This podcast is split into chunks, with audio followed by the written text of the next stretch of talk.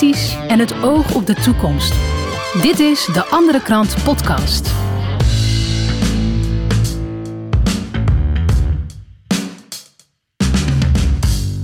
Dit is de Andere Krant Podcast.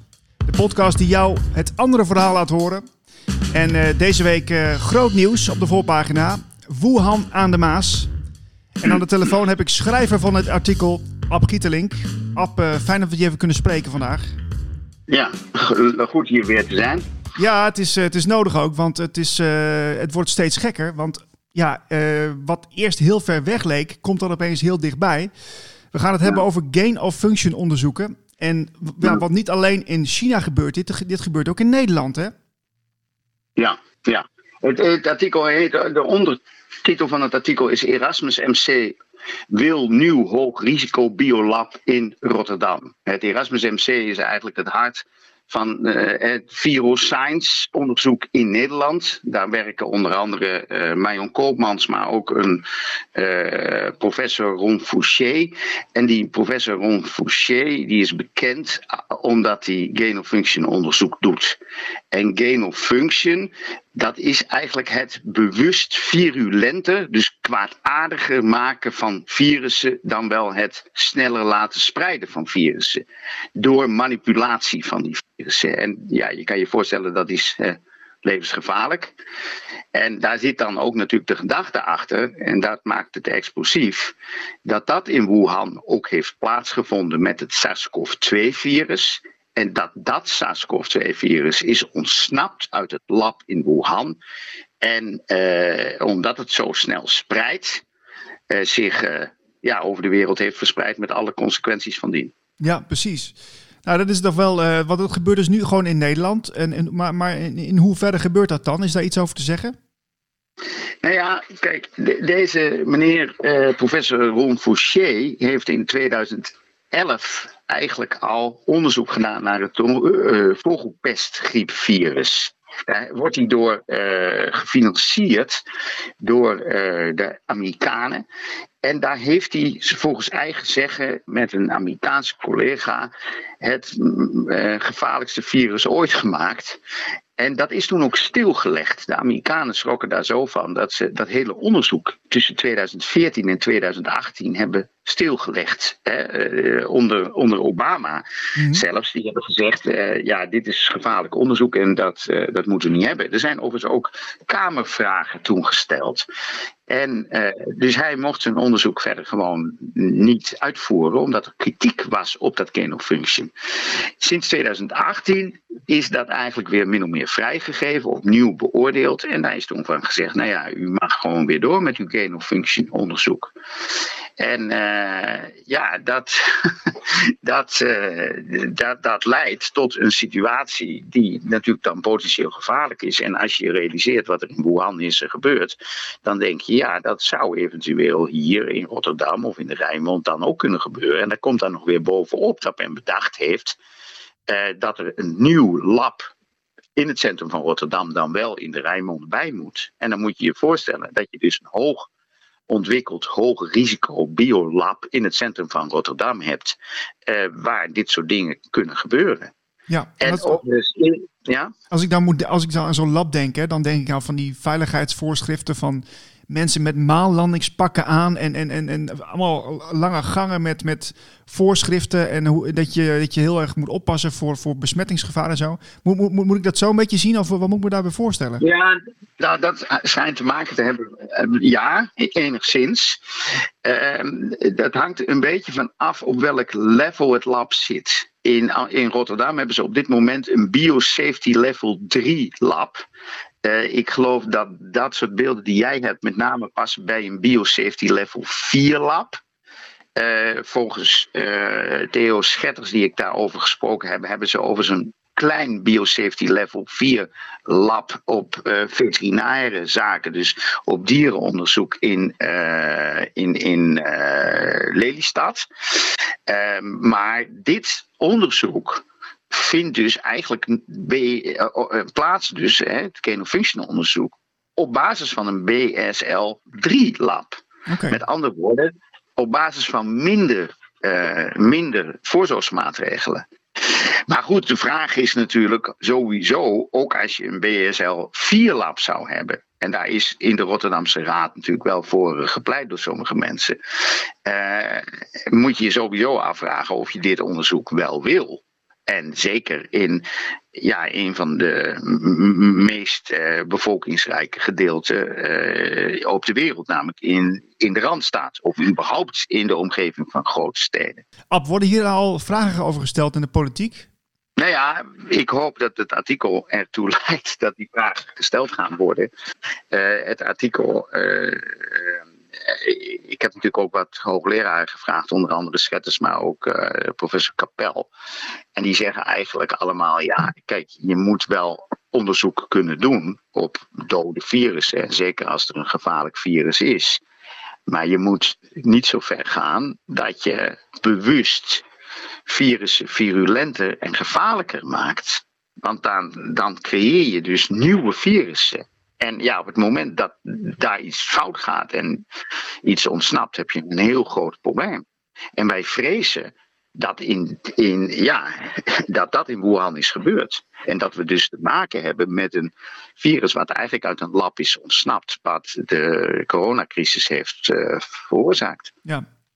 ja, want zijn er nou ook uh, wetenschappers die jij gesproken hebt die uh, voor zo'n onderzoekscentrum zijn? Want ja, ik vind, ik vind het een beetje een eng idee. Ik denk van, wat, wat heb je eraan als je je alleen maar virulenter maakt?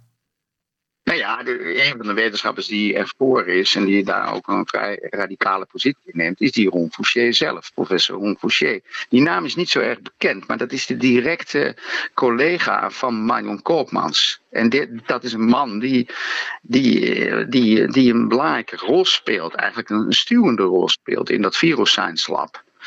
Um, misschien ook nog even hieraan gekoppeld, belangrijk. Ik heb, uh, dat staat ook in de andere kant, een necrologie geschreven over professor Luc Montagnier. Luc Montagnier is de man die in de jaren 80 al het HIV-virus heeft ontdekt en daar in 2008 de Nobelprijs voor heeft gekregen.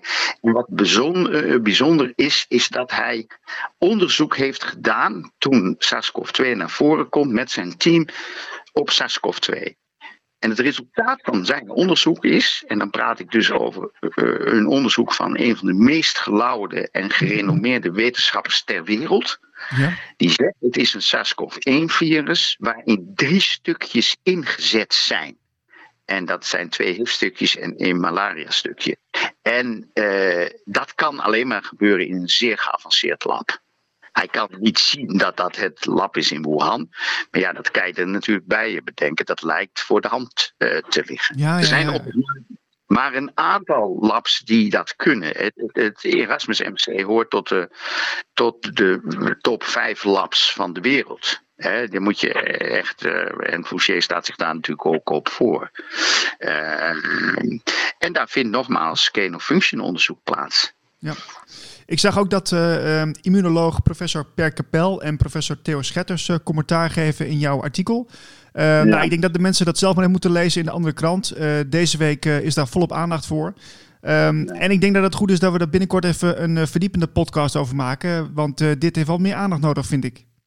Ja, dat lijkt mij wel. Want het gaat natuurlijk niet alleen over wat er in Nederland gaande is. Impliciet sinds dat daar de achtergrond is natuurlijk. Ja, hoe zijn we ooit met dit virus in contact gekomen? En is dit virus, en daar lijken heel veel aanwijzingen voor te zijn, niet gewoon ontsnapt uit een geavanceerd biolab? En ja, wat, wat, heeft, eh, wat heeft de toekomst dan ons nog te brengen? Ja. En daar, daar, moet wel een discussie over zijn in Nederland. En ik vind eigenlijk dat de politiek zou moeten optreden in dit verhaal. En ik hoop dat ik met dit artikel de politiek ook uh, wakker kan schudden om uh, vragen te stellen. Zo is het. Ab, dankjewel. Uh, we spreken elkaar snel weer. En nou, voor de mensen die dit horen, lees de krant en informeer je goed over dit belangrijke onderwerp. Lees je eens in. Pak eens de andere krant. Mijn krant. Ik ga verder met journalist Twan Rongen. Hij volgt de Amerikaanse media op de voet.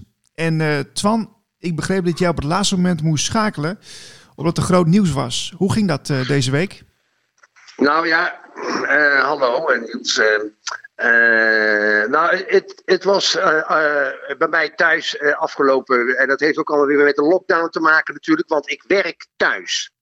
En ik was bezig met een profielstuk te maken van het opiniekanon, kijkcijferkanon van Fox News, Tucker Carlson.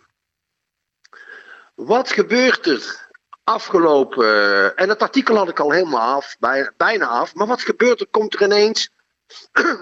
uh, in dit weekend komt er bam, wat de Amerikanen noemen, een bombshell news komt naar boven. Een waarheidsbom. Ongelooflijk. Oké. wat is er gebeurd? Wat is er gebeurd? In Amerika, dit is even, ik maak het heel, heel bot.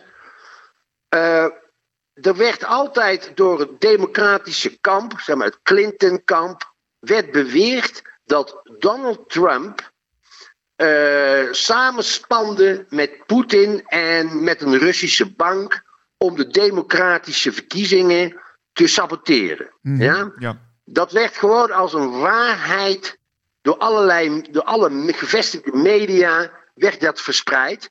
En Trump heeft dit altijd ontkend. Vervolgens is daar weer een onderzoek naar gedaan. Ze hebben niets gevonden. En vervolgens is er weer een onderzoek gedaan naar dat onderzoek. Of dat allemaal wel kosher is gegaan. Mhm. En vervolgens komt de John Durham, een hoofdaanklager uit staat Connecticut. Die komt met een rapport.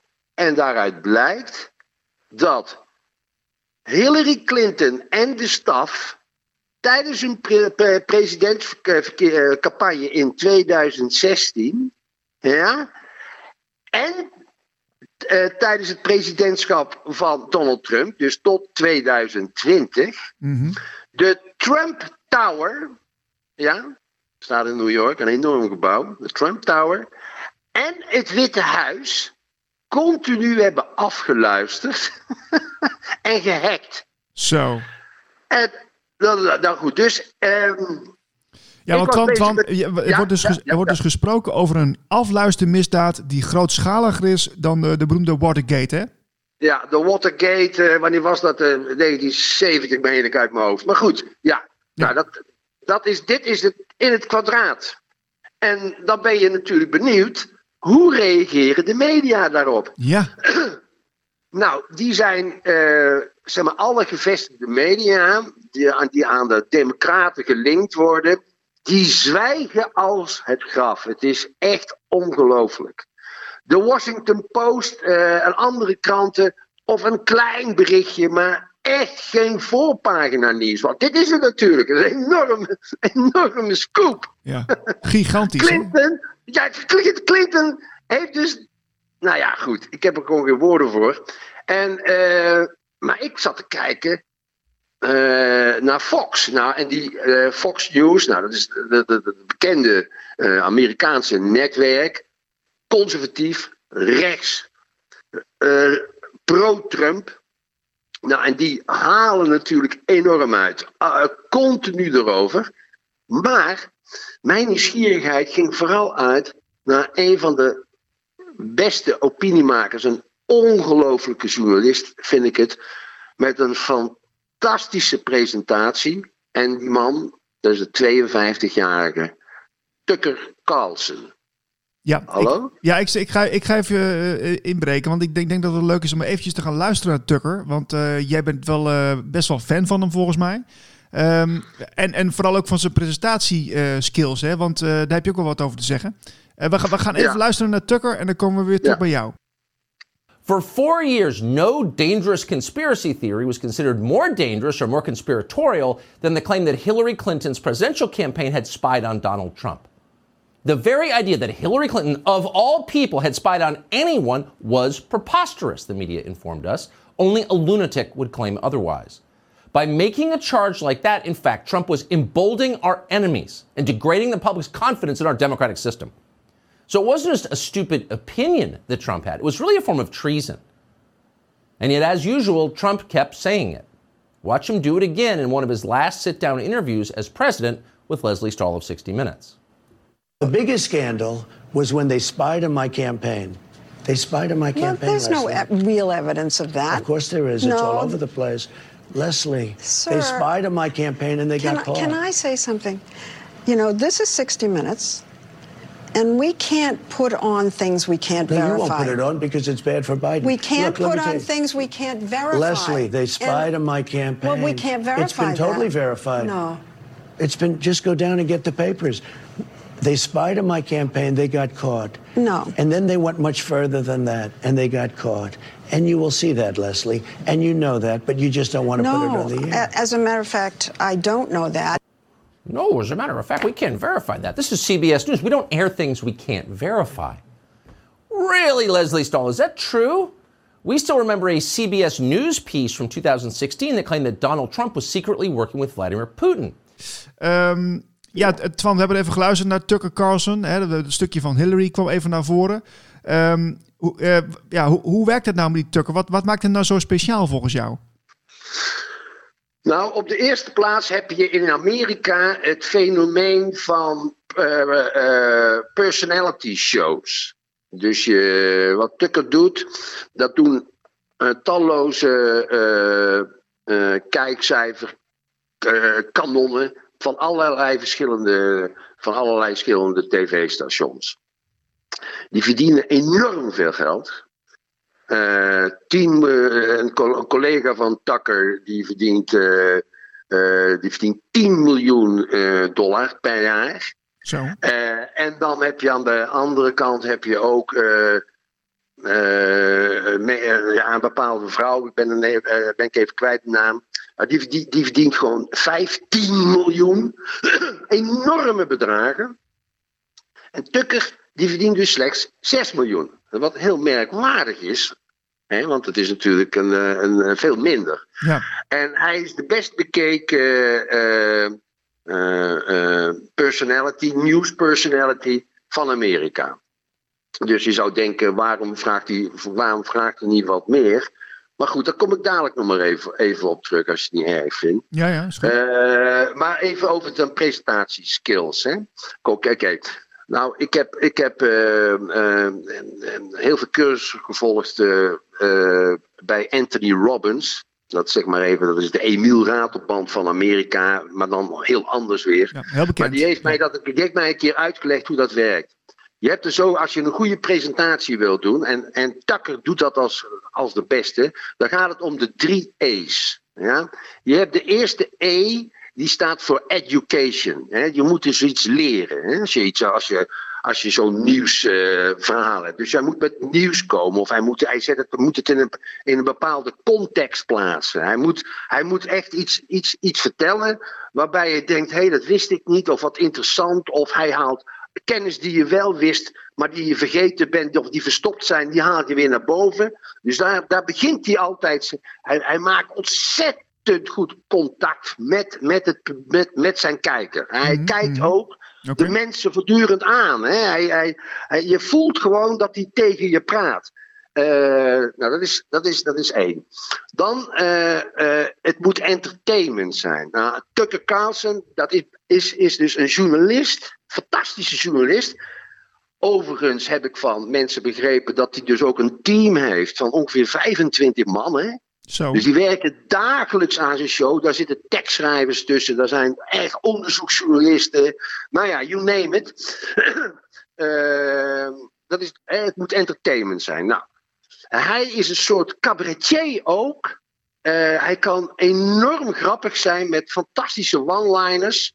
En eh, hij gebruikt ook eh, vaak, ehm, als mensen dan, dan zegt hij van, we, we are white supremacists. Of dan, dan schiet hij vocaal, doet hij, doet hij de mensen na, de, de zogenaamde woke mensen, de deugdmensen, die hem allemaal, of, of Fox, of dat allemaal conspiracy-idioten zijn. En, en, dus dat, dat doet hij geweldig. Verder heeft hij ook eh, heel veel beeld. Dus je, hij heeft het over iemand en dan komt er ook, ook weer niet te veel, hè, maar hij heeft het over iemand en dan komt er een. eh, eh, nou, er ko- komen allerlei beelden komen tevoorschijn. Dus education, entertainment. Hij, nou, hij, hij, hij, en dan, dat heeft er ook mee te maken met entertainment, denk ik. In Amerika, daar zijn mensen heel gewend om snel te praten. Want als je niet snel praat, dan verliezen de mensen hun concentratie. Ja, ja. Snap je? Ja, ja. Uh, dat, is, dat is hun gedachtegang. Maar dan krijg je ook heel vaak van die mensen die beginnen heel, heel snel te praten, waardoor je automatisch. Ja, maar ik, ik, vraag me even af, Twan. Want, doet dus, wat doet dat, niet een beetje af uh, aan, aan de, de geloofwaardigheid en, en uh, aan de informatieoverdracht? Want als je dus heel erg bezig bent met, met, met het uh, promoten of presenteren, ja. het, het eigenlijk een soort van. Um, ja, hoe zei dat net ook alweer? Een, een, een personality band. dan wordt het eigenlijk ja, een, een show, hè? is dat, is dat, zou dat in Nederland ook kunnen? Of, of nou, we hebben het in Nederland ook wel een beetje met uh, bijvoorbeeld uh, met Jensen, hè? Uh, Robert Jensen. Hè, ik weet ja. die doet dat ook heel. Die, die, die kopieert een beetje diezelfde stijl. maar ja, in Nederland heb je gewoon die talkshows. Hè? Je kan het wat humor en zo. Kan je het een beetje vergelijken met met voetbal, voetbal Inside. Hè? Of uh, dat uh, programma van Johan Derksen, Wilfred Gené en, en, en, en René van der Gijp. Ze hebben heel veel. En je ziet die Tukker, die, die heeft heel veel lol, die maakt humor. En ik moet er ook heel vaak om lachen, maar, maar dan komt het weer terug op de derde E. Hè? Dus eerst plaats education, je leert echt wat. Dan de entertainment is grappig. En dan wat hij heel. Hij kan, en dat, dat noemen ze in Amerika empowerment. Hij weet het, hij weet dat verhaal zo goed te brengen. dat je. Uh, dat hij. dat hij je, je echt iets met je doet. Uh, dat, dat er een bepaalde energieflow in je komt. Dus ik heb mezelf een paar keer betrapt. dat ik echt heb moeten huilen. Dat ik gewoon. Dat, dan kan, hij kan daar. Dat doet hij heel geweldig. Dus hij kan emotioneren. Hij kan. Uh, en dan in zijn interviews vind ik hem echt geweldig. Hij kan geweldig luisteren. Hij luistert actief. Uh, als hij iemand in de, in de, in de studio heeft, op, op, in zo'n Zoom, in zo'n videoconferentie call, dan, uh, dan, dan, dan komen er dus twee uh, gezichten in beeld. Snap je? Dus hij mhm, heeft ja. een gast. Ja. En dan vaak zie je alleen de gast en dan hoor je de. Nee, je ziet allebei de gezichten. En, dan stelt, en hij stelt hele directe vragen. Uh, en dan geeft hij, gaat meteen naar de kern. En de mensen zijn ook heel blij om, hem, om, hem, om met hem te spreken. Want hij, hij is echt een, een, uh, wat je in, in, eerste instantie niet van hem van zou verwachten. Want hij is een beetje een rechtse bal. Heeft een beetje een Jocht Kelderachtige uitstraling. Hè? Een beetje, ja, een, een, een beetje een koorbal. Maar hij is in, echt heel empathisch. En dat blijkt uit zijn vragen natuurlijk, maar ook op de manier waarop hij luistert. Ja, mensen moeten gewoon kijken. Ja, maar het is wel, hij wordt dus wel gezien als een autoriteit. Hè? Mensen waarderen hem en uh, zo, zoals hij ja, is. Dus dat is, ja. uh, dat, dat is wel knap. Tucker. Tucker is een, uh, een, een, een, een begrip in, in, in, in, in, de United States. Ja, ja. ja ik, ik, was even benieuwd, even terug naar het nieuws, want het gaat uiteindelijk om het nieuws. Je hebt er een artikel over geschreven, ook over Tucker, maar ook over het nieuws wat, wat, uh, wat erbij gekomen is uh, van de Clintons. Uh, maar wordt, wordt dat nou in Nederland helemaal niet opgepakt? Dat kan ik me niet voorstellen. Ja, ik heb, ik heb verschillende mainstream journalisten gesproken die, ehm, die de Amerikaanse nieuwsmedia heel goed kennen. Onder andere uh, de voormalige topjournalist van de Telegraaf en ook van de Avro, uh, Hans Knoop, die heel wereldberoemd is geworden met de zaak Mente, op de jacht op een, uh, op een oorlogsmisdadiger. Daar heeft hij een boek over geschreven, daar is een tv-serie over gemaakt. En die, ja, die heeft me dus ook een beetje verteld hoe die, hoe die, hoe die wereld in, in, in elkaar steekt. en hij, hij, hij vertelde me dat inmiddels is het zo in Amerika zo gepolariseerd. Feiten doen er niet meer toe. Het is alleen maar opinie. Dus je hebt ook allemaal personality clashes. Dus de, de Tucker Carlson, uh, bij de, ja, die hebben allemaal weer, oh, die zitten elkaar af te bekken en, en allemaal strijd. Doet er gewoon niet toe. Uh, of dit, of dit werkelijk waar is hè, van, van, van Clinton. Eh, Hillary Clinton heeft uh, deze week gezegd dat het allemaal leugens zijn. dat onderzoek. En that's it. Oké. En that's, and that's it. En hier en daar wordt het in Amerika wel, maar heel mondjesmaat wordt het bericht. Behalve natuurlijk door, door Fox en andere uh, alternatieve rechtse uh, media, zoals Alex Jones en Infowars. Oh, Die hakken er natuurlijk enorm op in. Ja.